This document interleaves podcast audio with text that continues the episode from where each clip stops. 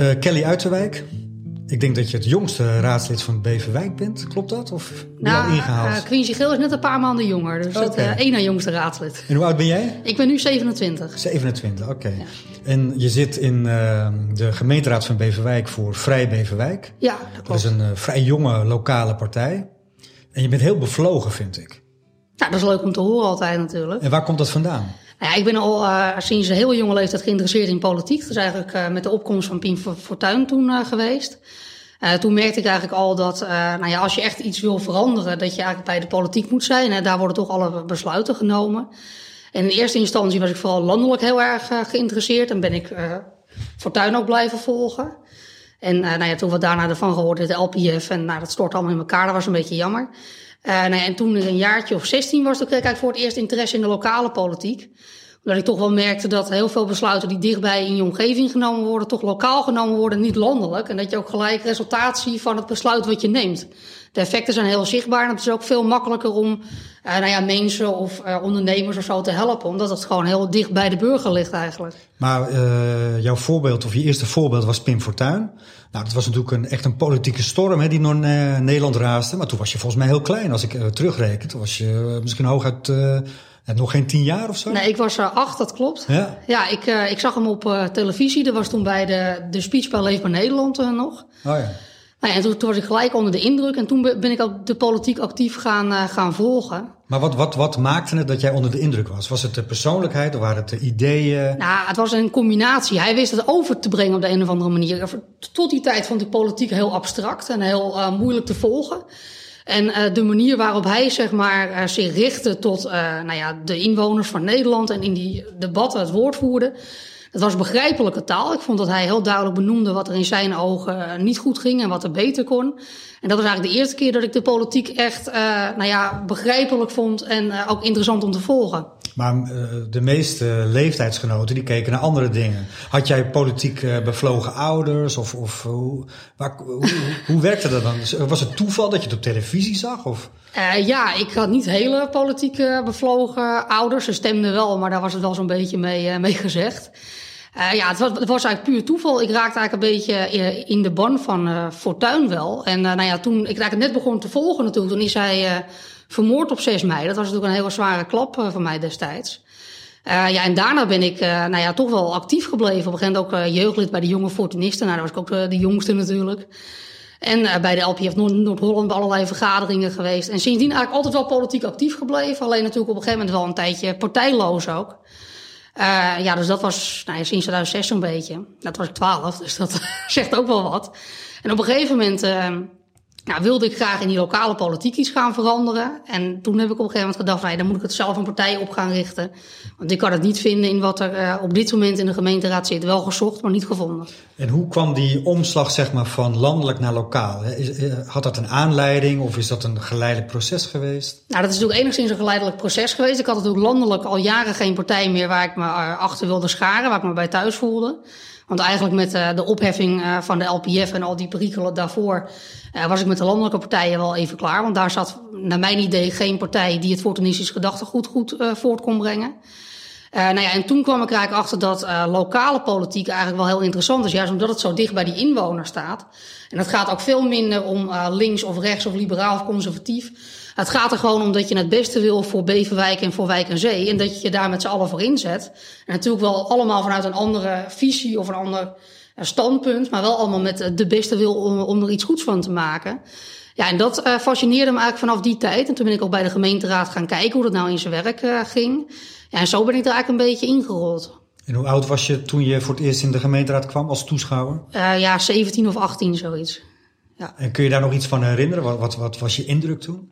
Nou ja, eerst was mijn indruk wel um, dat het vrij lang... Ja, des, des, destijds speelde dat rond die uh, boom die gekapt moest worden bij Stationsplein. En daar ging het wel heel lang over. De, de welbekende IEP inderdaad. Dus ik dacht, nou ja, als het elke vergadering alleen maar over zo'n boom gaat... dan wordt het wel een beetje lastig. Maar goed, vaker heen gegaan. En toen kwam ik wel achter dat er een heel breed scala aan onderwerpen op de agenda uh, staat. En dat er ook allerlei hele be bevlogen mensen zitten... die echt nou ja, betrokkenheid hebben met de directe omgeving. Ja, dus toen dacht ik wel, ja, hier wil ik me graag hard voor maken. Want dan kan ik echt iets, uh, iets doen voor Beverwijk en voor Wijk en Zee. Uh, in die tijd dat Fortuyn opkwam, maakte je niet altijd populair natuurlijk door te roepen van ik ben voor Fortuyn. Hè? Ik bedoel, hij was ook nog wel uh, in sommige uh, hoeken was hij omstreden. Maar daar trok jij niks van aan. Jij durfde gewoon ook op school te zeggen van ik ben fortunist. Ja, ik trok me daar inderdaad uh, niks van aan. Ik had op, op jonge leeftijd wel al een vrij sterke mening. En natuurlijk heb je te maken gehad met allerlei vooroordelen. Dat hangt gewoon rond de, de, de persoon van Fortuyn, denk ik. En ja, ik ben ook wel eens uitgemaakt voor racist of fascist of nou ja, noem het maar op. Maar ja, ik trek me daar zelf niet zoveel van aan. Kijk, ik weet dat die, dat die tegenstellingen bestaan. Nou ja, ik, ik geloof er oprecht in dat voor de politiek waar Fortuyn voor stond, dat dat helemaal niet racistisch ingegeven was. Dat het gewoon een, een rechtse koers was voor Nederland met hele realistische ideeën. Ik vind ook dat er te vaak wordt uh, blind gestaard op het gedeelte over asielzoekers en vluchtelingen. Terwijl hij juist een heel breed uh, ideeën, of heel, hele brede ideeën had over hoe de, de zorg opgelost moet worden. De wachtlijst in de zorg, de, de steeds grotere uh, scholen die voor allerlei problematiek zorgen. De tekorten bij uh, defensie, uh, de manier waarop het hele overheidsapparaat eigenlijk is ingericht, wat steeds onoverzichtelijker wordt en verder van de burger afstaat. Dat zie je nou wat ook met die, die toeslagenaffaire natuurlijk weer. Dus ik vind dat dat ook wel eens te eenzijdig belicht wordt. Nou ja, en voor mij persoonlijk trok ik me daar in ieder geval niks van aan, nee. En um, wat, wat is er overgebleven in jou van het fortuinisme? Ben je nog steeds fortuinist of heb je andere ideeën opgedaan? Of, of Probeer je dat gedachtegoed nog steeds eh, te volbrengen hier alleen lokaal? Ja, in de basis voel ik me nog steeds uh, fortunist inderdaad. En dan zeker ook als je het hebt over de manier waarop hij politiek uh, bedreef. Ik probeer het ook op een begrijpelijke manier te doen, dicht bij de inwoners. En het benoemen van problemen raak ik ook zeker niet uit de weg. Want ik vind dat je pas aan een oplossing kan werken als je het probleem eenmaal benoemd hebt. maar ja, lokaal speelt het wel, het links-rechts gehalte speelt gewoon veel minder. Dat is gewoon de realiteit natuurlijk. Uh, dus ja, dan, wat dat betreft is het ook uh, in de gemeenteraad heel goed mogelijk om samen te werken met een partij als GroenLinks, die op het eerste gezicht wat verder uh, van je af zou staan. Maar daar heb ik dan in de gemeenteraad geen last van. Nee, precies. Dat is het mooie van lokale politiek ja. inderdaad. Kijk, maar wat wel natuurlijk de essentie van Fortuyn is, is dat hij... Uh, uh, klinkt een beetje cliché, maar hij probeerde wel de mensen een stem te geven. De politiek was vrij hotain natuurlijk in de jaren negentig en echt op grote afstand. En is dat ook iets waar jij je mee bezighoudt? Je zegt nu zelf, hè, je wil laagdrempelig zijn. En uh, lukt dat ook? Ja, ik doe er wel heel, erg mijn best voor. Kijk, mijn telefoonnummer staat gewoon online. Van uh, bel me gewoon op als er iets is. App me, mail me. En altijd als ik een inwoner contact opneem, dan zorg ik dat ik gelijk daarop uh, op reageer. Want ik wil echt wel benaderbaar zijn. Ja, en ik doe ook echt mijn best om nou ja, alles wat wij doen ook over te brengen naar de inwoners op een laagdrempelige manier. Bijvoorbeeld na de raadsvergadering maken we een korte video van wat is er nou uh, gebeurd. Want ik begrijp ook wel dat mensen geen vergadering van vier uur terug gaan kijken. Maar ja, ik wil wel graag dat mensen geïnformeerd blijven over wat er nou gebeurt in die lokale politiek.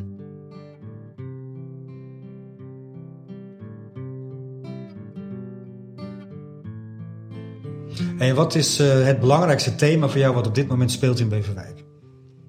Nou ja, er zijn natuurlijk verschillende thema's die heel veel aandacht hebben gevraagd uh, de laatste jaren eigenlijk. Maar ik denk dat het uh, dossier wat steeds blijft hangen, dat dat wel het, uh, het hele dossier rond de gezondheid, de luchtkwaliteit en Tata-stiel is. Mm -hmm.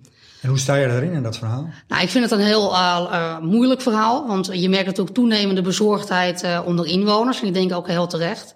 Want we krijgen eigenlijk onderzoek op onderzoek dat er toch met de gezondheid in Beverwijk en Wijkerzee wel iets aan de hand is dat de, de luchtkwaliteit uh, nou ja, niet goed is, dat er zelfs pieken zijn dat dat slecht is. Uh, je merkt dat er natuurlijk uh, meer kanker voorkomt in de regio. En tegelijkertijd heb je al die onderzoeken die van alles en nog wat aantonen, maar die, die, koppeling ontbreekt steeds. Dus het is heel moeilijk om er als politiek, in dit geval is de provincie, dan bevoegd gezag op te acteren.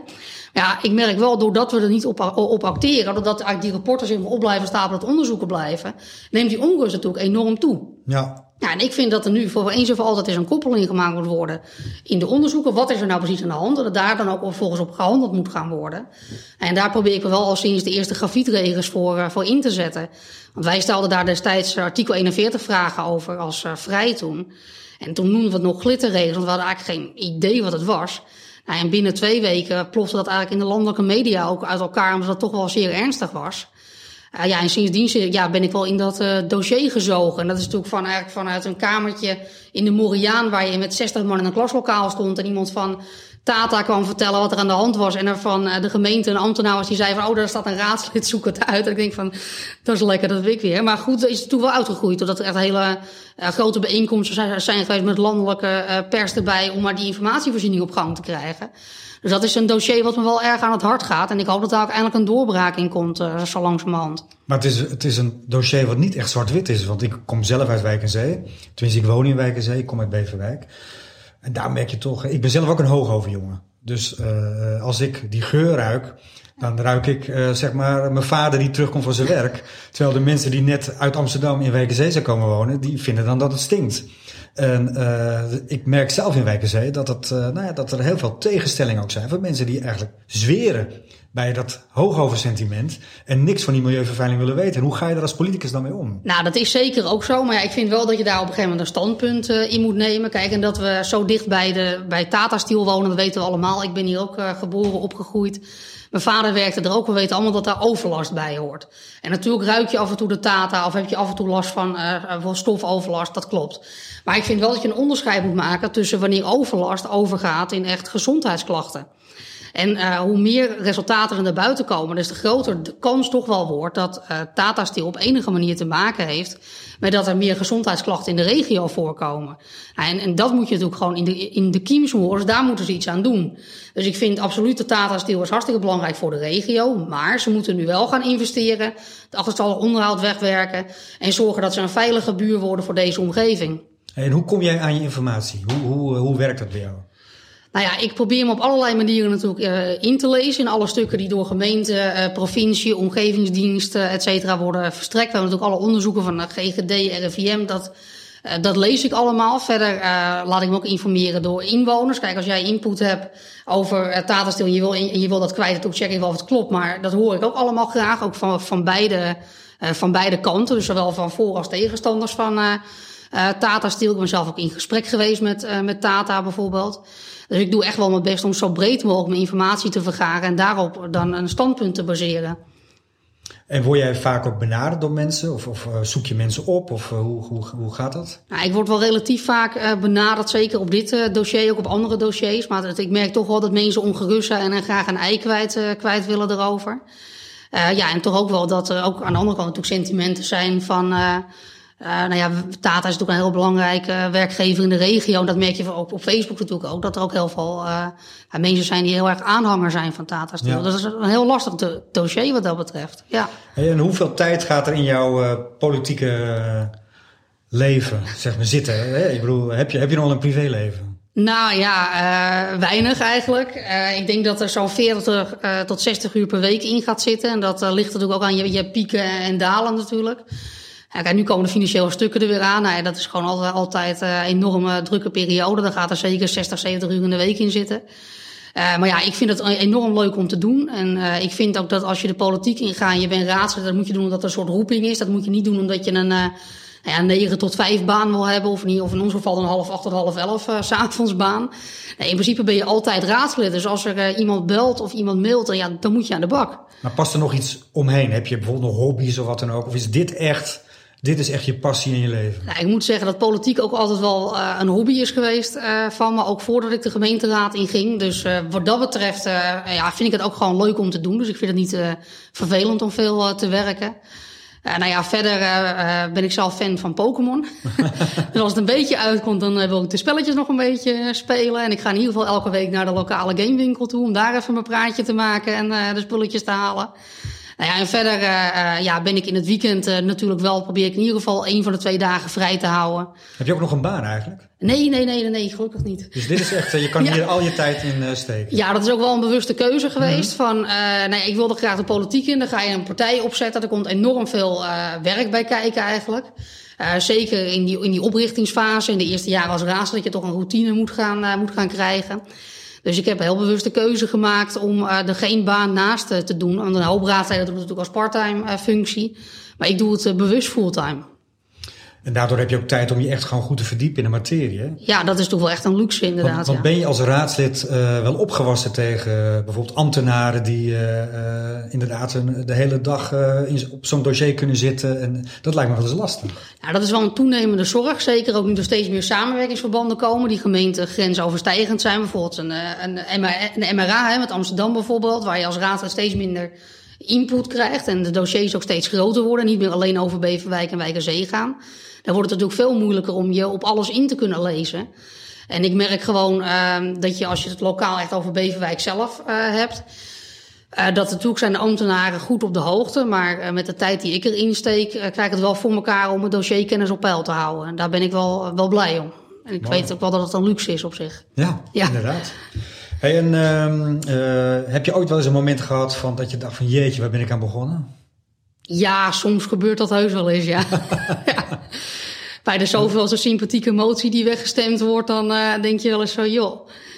Of uh, nou ja, bijvoorbeeld uh, met die blauwe loper, hè, we dienen daar een motie over in en hij wordt weggestemd. En dan drie kwart jaar later legt de wethouder hem aan. Dan denk ik van ja. Leg het eens uit voor de mensen die dat niet gevolgd hebben. Nou, we hadden een, blauw, een motie ingediend om een blauwe loper aan te leggen. Dat is een pad naar de zee voor minder valide eigenlijk. En uh, nou ja, die motie die werd weggestemd. En tot mijn grote verbazing, een jaar later staat er in de krant wethouder Niele open blauwe loper op strand van Wijkenzee. En ik wist voor niks, ik moest uit de krant halen. Nou, dan denk ik wel eens van, nou, het is leuk dat het uitgevoerd wordt, maar had het dan even gecommuniceerd of zo, weet je wel. Ja. Want dat is ook het vervelende aan het raadswerk soms. Je moet heel erg um, uh, trekken voor je informatie. En met name in de coronatijd was dat echt wel uh, iets waar ik tegenaan liep. Dat ik merkte van er worden allerlei beslissingen genomen. En natuurlijk moet dat ook wel gebeuren. Maar informeer ons even met een raadsbrief in plaats van we het uit de krant moeten halen. En dat is wel eens uh, het frustrerende van het werk. Maar hoe komt dat? Want in principe zou het wel zo moeten zijn, toch? Dat je geïnformeerd wordt als raadslid. Ja, dat vind ik zelf ook. Maar dat, uh, dat loopt niet altijd even vlekkeloos. Oké. Okay. Is dat typisch Beverwijks? Of is dat gewoon, hoor je dat ook van je collega's in andere gemeenten? Nou, het, het komt wel in veel gemeentes uh, voor. Hoor. Dus er ligt natuurlijk ook altijd een soort, soort spanningsveld tussen de hoeveelheid informatie die, die de raad wil hebben. En de hoeveelheid informatie die het college vindt dat de raad moet hebben. Dat is wel een uh, interessante krachtmeting altijd. Ja. Maar ja, dat is inderdaad wel eens iets dat ik denk van ja, waarom, hadden, waarom wisten we dat nou niet even eerder? Of waarom zijn we daar niet over geïnformeerd? En dat, uh, nou ja, dat, en, dat wat doe je dan? Mailen met de Griffie. Ja, die zijn heel blij met me. En die denk, oh, dan heb je Kelly weer, denk ik. Ja, dat, ja? dat denken ze inderdaad. Ja, ja. En dan uh, zeg ik, ja, kunnen jullie het even uitzetten binnen de organisatie? En dat uh, doen ze dan altijd weer. Maar dat is. Ben je een lastige tante? Dat denk ik wel, ja. Een, uh, een pitbull. Ja, ik laat uh, niet, niet snel los. Als ik eenmaal denk van dit klopt niet of dit moet uitgezocht worden, dan uh, ga ik net zo lang door tot ik het boven water heb. Waar ben je het meeste trots op? Ik denk op de afgelopen jaar dat zijn wij in de Kunepleinbuurt geweest. En daar troffen wij echt heel zware schimmelproblematiek aan. En ook echt kinderen die nou ja, in de schimmel lagen, zeg maar. In de slaapkamer zat gewoon onder de schimmel. Toen hebben wij uh, vervolgens een uh, motie ingediend die unaniem aangenomen is om die schimmelproblematiek op te nemen in de eisen die de gemeente stelt aan de woningcorporaties. En nou uh, hoor ik wel dat de uitvoering nog niet helemaal vlekkeloos loopt. Daar heb ik dan onlangs weer vragen over gesteld. Maar als we dat inderdaad aan de hand van die motie echt zouden kunnen aanpakken, dan ben ik daar wel, wel trots op. Omdat het gewoon echt direct de gezondheid van mensen ook, ook aangaat. En dat, dat raakt dan echt aan het raadswerk. Hè? Dan kun je echt het verschil maken ook. Dan kan je inderdaad als raadslid echt heel dicht bij het, uh, het verschil maken. En natuurlijk moet je wel altijd het algemeen belang in het oog houden. Maar in dit geval ging het ook om nou, echt wel een structureel probleem. Dus dan kan je het als raadslid ook aankaarten. En als dat inderdaad resultaat oplevert, dan is dat wel iets waarvan ik denk, nou, dat heeft echt direct het verschil gemaakt. Kijk, natuurlijk ook wel met andere zaken, wat ook met de transformators tussen station, waar wij dan uh, ook wat moties voor, voor ingediend hebben om die, uh, die, die bromtoon uh, in te perken. Ja, ook daar, als die maatregelen overgenomen worden, ja, dan zijn dat ook wel dingen die direct effect hebben. En dat zijn toch wel de zaken waar ik trots op ben. Kijk, het gaat niet om dat je politiek een keertje leuk punten scoort of leuk in de krant komt. Het gaat uiteindelijk om dat je voor je inwoners wat bereikt. En dat zijn soms natuurlijk wat meer abstracte zaken die mensen misschien wat minder direct merken. En soms zijn dat hele concrete zaken. En daar, ja, dat, dat zijn de zaken waar ik het meest trots op ben.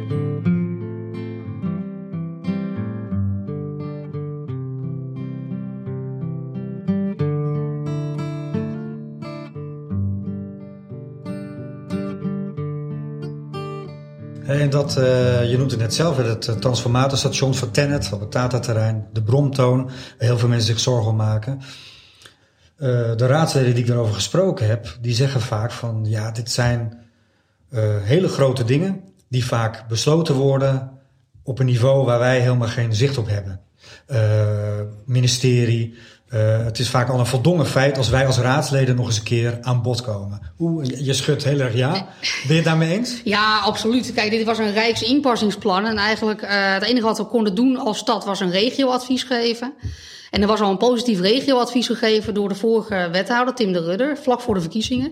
Dus toen ik in die raad kwam, toen was het al een voldongen feit dat het transformatorstation daar zou komen op die locatie. Dus het enige wat je dan nog kan doen is, is repareren binnen de kaders die er al staan. Dus dat is natuurlijk ergens wel heel uh, frustrerend. Want uh, het liefst zou je natuurlijk kijken naar een andere locatie voor dat uh, transformatorstation. Maar ja, dat, dat ging al niet meer. Ja, maar ja, dan moet je er maar het beste van maken binnen wat er staat. Is dat gelukt? Ik hoop het. Ik denk dat we het wel het hoogste haalbare eruit hebben gehaald. Want we hebben nu inderdaad dat... Er, komen vier muren en een, en, en een dak op. Behalve de compensatiepoel, er komen vier muren omheen en dan geen dak. Dat hadden we misschien nog kunnen halen, maar dat vond Tennet erg duur worden. En verder hebben we uh, ingezet op dat die uh, geluidsrichtlijnen gehaald worden, dat die eh, NSG-richtlijn ook gehaald wordt, dat zeg maar niet hoorbaar is, die bromtoon. Dus ook dat heeft het college de, nou ja, zeg maar richting Tennet ge gecommuniceerd. We hebben ook nog een motie ingediend om aan te dringen op een landelijk onderzoek naar de effecten van dat laag frequente geluid, die bromtoon. Dus meer dan dit konden we er niet meer aan doen. Maar vind je het zorgelijk dat, dat, dat dit soort grote ontwikkelingen eigenlijk... Uh, hè, aan de ene kant zeg je in het begin van ja, er, gebeurt heel veel lokaal. Hè, je, je hebt echt uh, veel zeggenschap. Maar bepaalde dingen, dat is, dat is bijna onzichtbaar. Nou, dat is wel iets waar ik me veel zorgen over maak. En ook in toenemende mate de laatste tijd. Want uh, nu bijvoorbeeld met de regionale energiestrategie zie je eigenlijk weer hetzelfde gebeuren. Hè? Dat er worden zoekgebieden aange aangewezen voor wind en zon op land. En ook daar merk je dat je als gemeenteraad eigenlijk een beetje achteraan het proces zit. Het is een proces met allerlei eh, gemeentes bij, bij elkaar. Die bepalen eigenlijk voor de regio waar ze gaan komen. En dan is het heel moeilijk om dat nog te gaan schrappen als dat eenmaal in de buurt van jouw uh, gemeente gebeurt. Dus ik denk wel dat het een toenemende zorg is, omdat uh, nou ja, het Rijk wil natuurlijk meer zaken afschuiven eigenlijk naar de lokale overheden.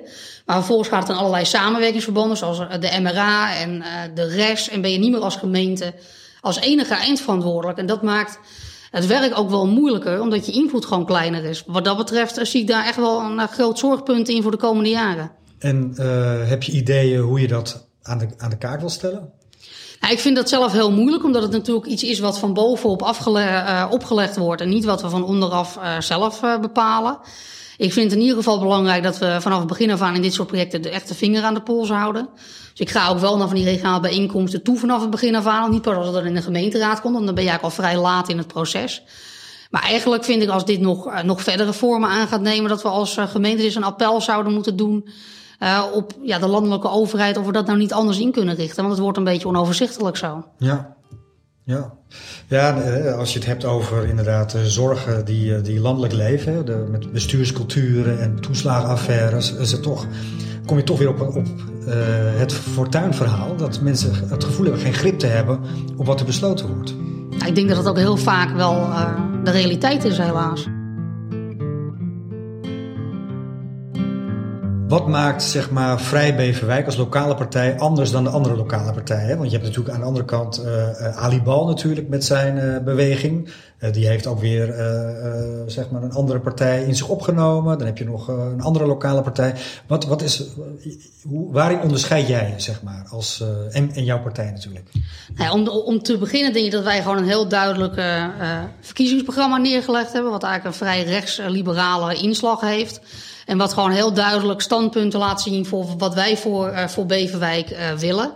Want de reden dat wij ook een lokale partij opgericht hebben is niet zozeer omdat wij nou per se een lokale partij willen zijn, maar gewoon omdat we het landelijk niet kunnen vinden. Nou ja, en verder denk ik dat we, uh, wij proberen, ik denk dat alle andere partijen dat in, in Beverwijk proberen trouwens hoor. Maar om zo dicht mogelijk bij de inwoners te, te staan en zoveel mogelijk input uit de samenleving direct door te voeren.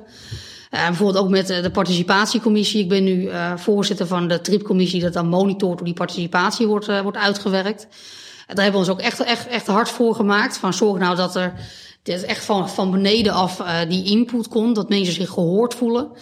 En ik denk dat het, ja, het grootste verschil um, wat er toch wel is, is dat wij echt ons best doen om actief inwoners te benaderen met bijvoorbeeld een flyeractie of wat dan ook. Om dan vooraf te horen van ja, wat wilt u nou, uh, wat vindt u van deze plannen?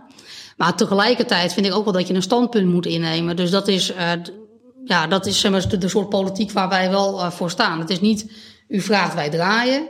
Maar we willen wel zoveel mogelijk meedenken met uh, de inwoners van, uh, nou ja, van onze stad natuurlijk. En, uh, ja. Wat jou betreft, zeg maar, is er binnen, een, binnen de gemeentepolitiek gewoon ruimte voor meerdere lokale partijen? Ja, absoluut. Want ik vind ook dat een lokale, de ene lokale partij is de andere lokale partij niet. Kijk, dan zou je ook wel kunnen zeggen, we hebben één landelijke partij genoeg. Ja. Dat vind ik ook nergens op slaan. Mm -hmm. Ik denk dat uh, elke lokale partij die begint vanuit een bepaald idealisme en vanuit een bepaald uh, standpunt binnen het politieke spectrum. En iedereen werkt dat op zijn eigen manier uh, uit met een eigen programma en eigen standpunten. En als je ook gewoon kijkt naar de raadsbesluiten, dan zijn we het gewoon het merendeel van de tijd niet eens met de andere lokale partijen. Uh, dus wat dat betreft denk ik dat elke partij daarin uh, uniek is. En ik merk ook dat ja, wij zijn het de ene keer met de VVD eens en dan met D66 en dan met GroenLinks. En dan weer een keertje bijvoorbeeld met, wel met uh, samen of gemeentebelangen. Maar ja, ik denk dat het wel belangrijk is dat, dat je wel realiseert dat elke lokale partij zijn eigen partijprogramma heeft, zijn eigen standpunten, zijn eigen stempel er ook op drukt. Hey, en als je het over politiek hebt, hè, want je zegt ja, de ene keer zijn we het eens met VVD en dan weer met GroenLinks. Uh, je bent iemand die, uh, je bent bevlogen. Nou, dat, dat, dat merk ik ook aan hoe je praat. En, en het is, uh, je bent heel gepassioneerd in de politiek. Geniet je ook van het spel? Ja, tuurlijk wel. Ja, dat hoort, dat hoort er wel bij. Ik, ik zie in principe elke raadsvergadering als een wedstrijd waarin je punten kan halen. En omschrijf dat is dat spel. Wat, wat voor gevoel geeft dat dan? Nou ja, ik ga eigenlijk elke vergadering in. Want uh, nou ja, wij we lezen natuurlijk de, stukken. We nemen van tevoren een standpunt in. En je hoopt er altijd wel meestal iets uit te halen. Je hebt natuurlijk ook gewoon agendapunten waar je zegt... nou, dit is echt prima, top gedaan en we hameren het af. Maar meestal zijn er altijd wel punten die we net even beter willen. Net even wat strakker neergezet. Of juist even meer focus op dat. En ik ga eigenlijk elke vergadering in met een, met een doel om of meer informatie te krijgen. Om duidelijk te krijgen wat we nou eigenlijk willen. Of om toch iets voor elkaar te krijgen. Ja, en als dat dan, uh, dan lukt, en best wel regelmatig lukt dat, ja, dan vind ik dat wel een, gesla een geslaagde wedstrijd, ja. Maar levert het ook spannende avonden op, uh, gewoon van een zinderende spanning in de wandelgangen en, en schorsingen en, en dat soort dingen? Ja, Kun je er ook van genieten? Ja, absoluut. Ja. Kijk, ik denk dat uh, de meeste mensen in de raad ook nooit zo blij met me zijn, want ik zeg wel waar het, waar het op staat. En ik ben ook helemaal niet bang om te benoemen wat er in mijn optiek misgaat of anders moet. Dus ja, dat, dat levert wel eens felle uh, discussies op. Ja, bijvoorbeeld met, met het dempen van de vijver recentelijk in, uh, in het Overbos. Nou ja, ik wil die vijver echt absoluut behouden. Daar staat vrij voor. Dus daar, daar zetten we alle middelen die, we kunnen vinden voor in. Nou, en op een gegeven moment, de afgelopen keer leek eigenlijk alles al verloren. Want we zouden een voorlopig ontwerp en een definitief ontwerp vaststellen. En eigenlijk totaal in de blessuretijd is het totale chaos. En ik krijg er nog een mondeling abonnement in dat het definitieve ontwerp nog door de raad moet. Nou, dat houdt dus in dat die vijver nog steeds niet definitief gedempt kan worden. Want hij moet nog een keer door, door de raad heen.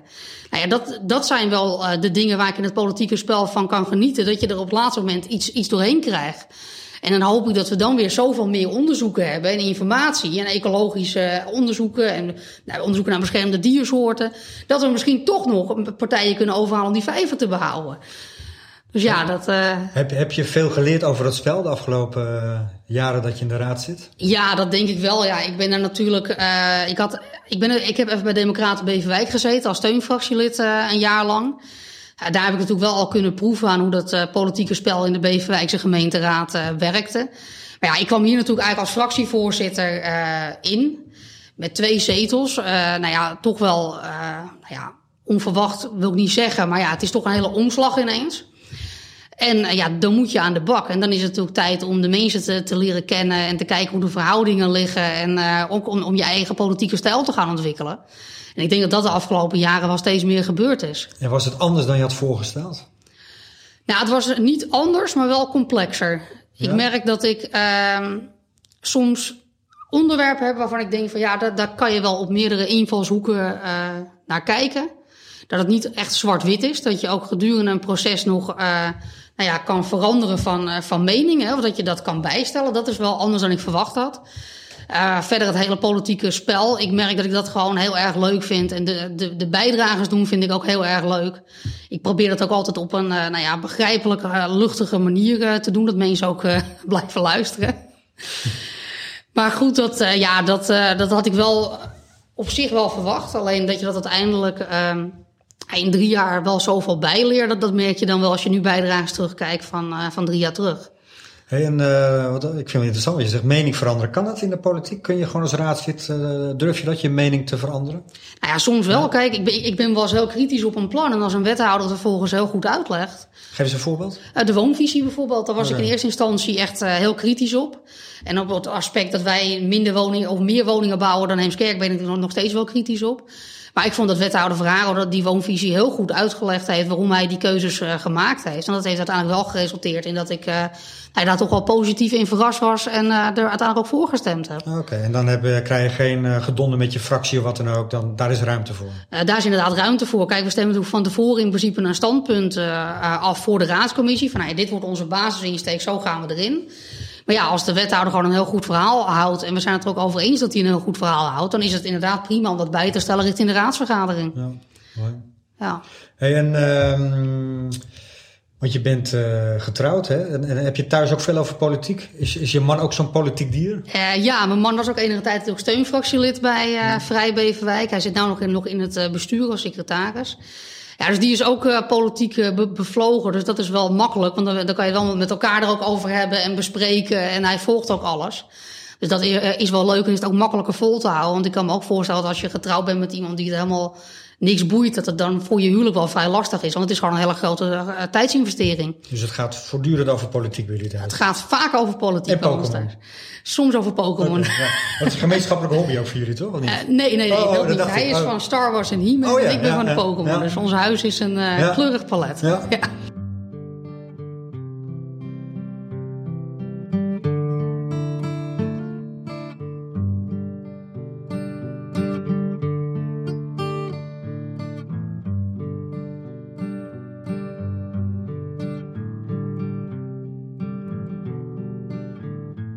Frans Koster, hè, die uh, zit natuurlijk ook in jullie partij. Ja. Wat heb je van hem geleerd? Nooit opgeven, altijd doorbijten. Ja? Ja. ja. Als ik wel eens een dossier heb dat ik denk van ik kom, ik kom echt niet verder. Ze hebben me nou voor de derde keer afgeschreven met artikel 41 vragen. Ze hebben nog geen antwoord gegeven. En zei Frans, het gewoon nog een keertje proberen. Gewoon doorgaan. Nee, nooit opgeven, vastbijten en doorgaan totdat je het boven tafel hebt. Hebben jullie veel contact? Uh, ja, op de achtergrond. Hey, en uh, wat is je ambitie? Wat is... Uh nou ja, eh, niet alleen de komende verkiezingen, maar gewoon over een paar jaar. Wat, wat eh, word je dan wethouder of ga je naar de Tweede Kamer? Of, ja, ik, heb, uh, ik heb geen wethoudersambities. Ik uh, vind het politieke spel vind ik leuk. Ik vind het, uh, het als raadslid, dat, dat, werk vind ik leuk. Kijk, ik zeg ook altijd wel eens gekscherend. Ik ben eigenlijk een heel goed oppositieraadslid. Ik weet altijd precies eruit te filteren wat er niet goed gaat. En natuurlijk uh, probeer ik wel met een oplossing te komen. Want ik vind alleen, alleen schoppen, dat, dat, dat moet je niet doen. Maar eh, in de kern ben ik een oppositieraadslid. En uh, nou ja, wat je natuurlijk wel merkt in de, in de oppositie, is dat je natuurlijk lang niet al je plannen doorheen krijgt. We hebben er zat doorheen gekregen, maar natuurlijk ook heel veel dingen niet. Dus in de toekomst, als je natuurlijk wat groter zou worden als partij, dan uh, sluit ik een coalitiedeelname zeker niet uit. Daar sta ik zeker heel erg voor open. Alleen dan moeten we er wel voldoende uit weten te slepen. Kijk, ik ga niet met drie zetels in een coalitie zitten en alleen uitslepen dat de bospaadjes schoongemaakt worden. Dan blijf ik nog even in de oppositie zitten.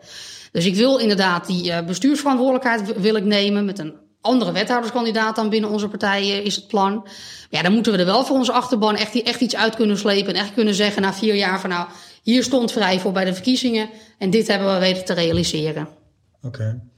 En, maar, ik bedoel, dit, is, uh, dit zijn de komende verkiezingen. Maar over, uh, over een jaar of tien of zo, zie je ooit nog eens de landelijke politiek gaan of blijf je lokaal?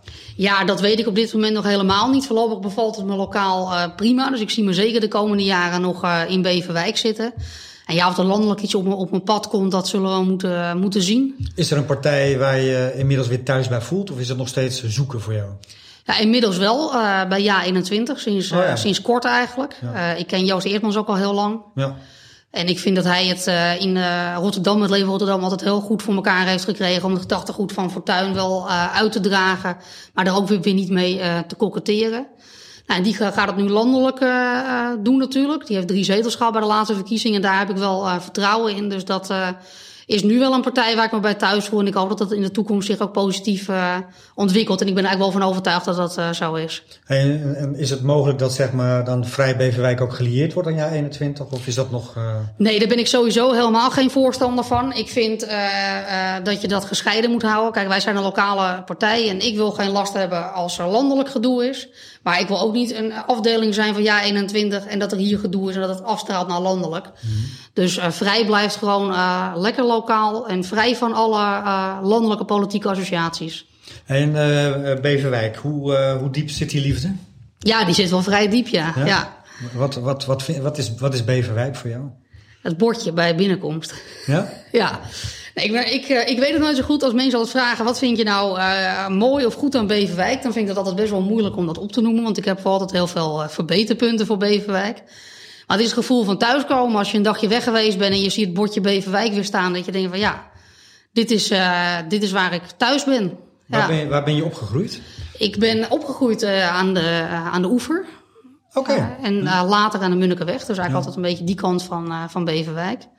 Daar ben ik nu ook weer terug. Ik woon nu op, op de Vennelaan. Oh ja. Maar tussentijds we een uitstapje gemaakt naar de Keesdalsweg, echt centrumgebied. En uh, de Sauerstraat in Oosterwijk. Dus ik ben wel uh, nou ja, vrij bekend in verschillende wijken van Beverwijk. Ja. ja. En wat is je favoriete plek verder? Wat vind je nog meer mooi? Hè? Wat, wat, hoe zou je Beverwijk verkopen? Ja, ik vind dat er altijd echt een hele lastige. Ja. nee, ik vind uh, de directheid van de mensen hier heel prettig. Dat ze gewoon eerlijk zijn en zeggen waar het op staat. En dat mag soms best wel eens uh, grof en ruw zijn. Dat is, uh, dat is prima. Het is echt een beetje een aanpakkersmentaliteit. Dus ik vind eigenlijk met name de mentaliteit van, nou ja, van de mensen heel erg prettig. Uh, persoonlijk is een plek waar ik graag wel kom, is uh, de Breestraat dan. Er is ook wel veel kritiek op hoe dat gerenoveerd is de afgelopen twee keer. Want die bomen van vroeger waren natuurlijk toch echt wel veel mooier. We zijn nostalgisch hè, als Beverwijkers. Ja, die zijn echt nostalgisch. Ja. ja. Dat is echt, dat is beter gewoon kunnen laten staan. Maar goed, dat is achteraf. Maar we zijn als Beverwijkers heel recht door zee. En, ja. en, en heel, nou ja, dat, dat hoor je ze, een beetje grof in de mond af en toe misschien. Maar we zijn aan de andere kant, we zijn continu met vroeger bezig. Ja, dat lijkt wel inderdaad, ja. ja. Maar ja, ik ben zelf ook wel eens een beetje grof in de mond en heel duidelijk en direct. En ik merk dat mensen buiten Beverwijk er nog wel eens van kunnen schrikken. Van, goh, dat gaat in één keer wel hard. Bijvoorbeeld in de Raad van Heemskerk, arme mensen daar. Maar goed, ik vind het juist heel prettig aan, aan Beverwijk. Het is ja, echt een arbeidersstad. Ja, ja. mooi hè. Hey, en uh, de bestuurscultuur, tenminste, ik, ik heb heel lang uh, ook uh, rondgang in de gemeenteraad als journalist. En er werd altijd gezegd, ja, de Beverwijkse bestuurscultuur is heel hard. En uh, uh, nou ja, dat, dat gaat echt hard tegen hard. Allemaal van die uh, politieke dinosaurussen. Nou ja, jouw jou, mentor Frans Koster natuurlijk en Vincent Kellenaar. Hoe, hoe zou jij de bestuurscultuur omschrijven? Is die nog steeds zo hard of, of is hij nooit hard geweest? Of, of, ja, ik vond die bestuurscultuur die er was inderdaad... met bijvoorbeeld een Kees Bodewes en Frans Koster en een Vincent Kellenaar... ik kon daar wel van genieten. Dat waren natuurlijk echt zware inhoudelijke politieke discussies. Maar wel achteraf met een borrel altijd. Dat was nooit op de man. Nou ja, die zijn natuurlijk eigenlijk allemaal uh, weg. Dus we hebben een vrij jonge raad zitten met uh, raadsleden die over het algemeen nog uh, nee, niet heel lang in de raad zitten. Zeker de fractievoorzitters niet. Nou, en ik merk zelf dat het de samenwerking eigenlijk altijd wel goed gaat. Kijk, soms dan zeg ik wel eens dingen en dan denk ik van nou, ze zullen me wel nooit meer aanspreken. Maar blijkbaar kan ik het maken en willen ze vervolgens toch mijn motie nog steunen, weet je. Alles wat dat betreft denk ik dat we wel een nou ja, een goede samenwerking uh, hebben binnen, binnen de raad. En dat ik ook uh, zeker met iedereen door één deur kan. En ook met iedereen praten en overleggen over, uh, over nou ja, wat er moet gebeuren eigenlijk. Ja, natuurlijk gaat het soms wel wel eens hard tegen hard. Maar ja, ik ben wel iemand die ook inderdaad zegt, nou ja, dat, dat is in de raad. En daarna drinken we een borrel en is het weer klaar. En dat is ook wat je nu mist met het digitale vergaderen. Ja. Die hele dynamiek is eigenlijk weg. Kijk, je kan een opmerking maken die verkeerd valt. En normaal gesproken loop je naar iemand toe en zeg je van... joh, dat, nou, dat kwam even, even een beetje verkeerd uh, mijn mond uit. En ja, en nu is dat weg naar, naar die borrel. Dus dat, uh, ik ben wel heel benieuwd. We gaan straks weer de raadscommissies uh, fysiek uh, doen. Ik ben wel heel benieuwd hoe, hoe die sfeer er weer terug in te krijgen is. We zijn niet tuttig geworden in de BVX politiek. Nou, soms mag het voor mij wel wat feller. ja. ja. Ja, ik, ik zit soms wel ook wat zeggen. Denk, nou, ik kom nou maar op met die interrupties. En die komen. En dan denk ik, oké, okay, ga ik weer door. ja. En, um, nou, dus uh, voorlopig blijf je nog even lokaal gewoon binnen Beverwijk. Ja, absoluut. En heb je zin in de verkiezingen? Ja, tuurlijk. Dat is altijd het mooiste moment van de vier jaar eigenlijk weer. Dat is het feest van de democratie. En wat, uh, wat, wat wordt jullie kernpunt in de campagne? Ja, we zijn nu bezig om het hele partijprogramma uh, te herschrijven eigenlijk. Want uh, nou ja, vorige keer was veiligheid echt het, echt het kernpunt. En dat vinden we nog steeds wel een heel belangrijk punt. Uh, daarnaast komt nu uh, voor onze economie en het herstel uit de coronacrisis komt daarbij. Uh, en het aspect gezondheid en luchtkwaliteit en vooral ook de informatievoorziening daaromtrent. dus dat zijn wel, denk ik, de drie speerpunten waarmee we de verkiezingen ingaan. En ja, natuurlijk de paradepaadjes zoals gratis parkeren, dat, dat blijft ook altijd wel actueel. Ja. ja. Leven je ouders nog? Ja. Zijn ze trots op je? Dat denk ik wel. Ik weet het niet. We hebben het daar niet over. Ja, dat kan ik me niet voorstellen. Nooit over politiek. Je staat heel vaak in de krant natuurlijk. En uh, allemaal filmpjes op social media. Ja, ik heb met mijn moeder wel heel veel over, uh, over politiek. Maar dat uh, gaat dan toch wel meer vooral de wat inhoudelijke kant op. Hm. En zijn ze het wel eens oneens met je? Oh, vast wel. Ik denk dat, dat iedereen het wel eens oneens is met me. Hm. En dan botst het wel eens. En dat komt later wel weer goed. Want ik vind een, een goede discussie ook belangrijk. Dankjewel. Graag gedaan.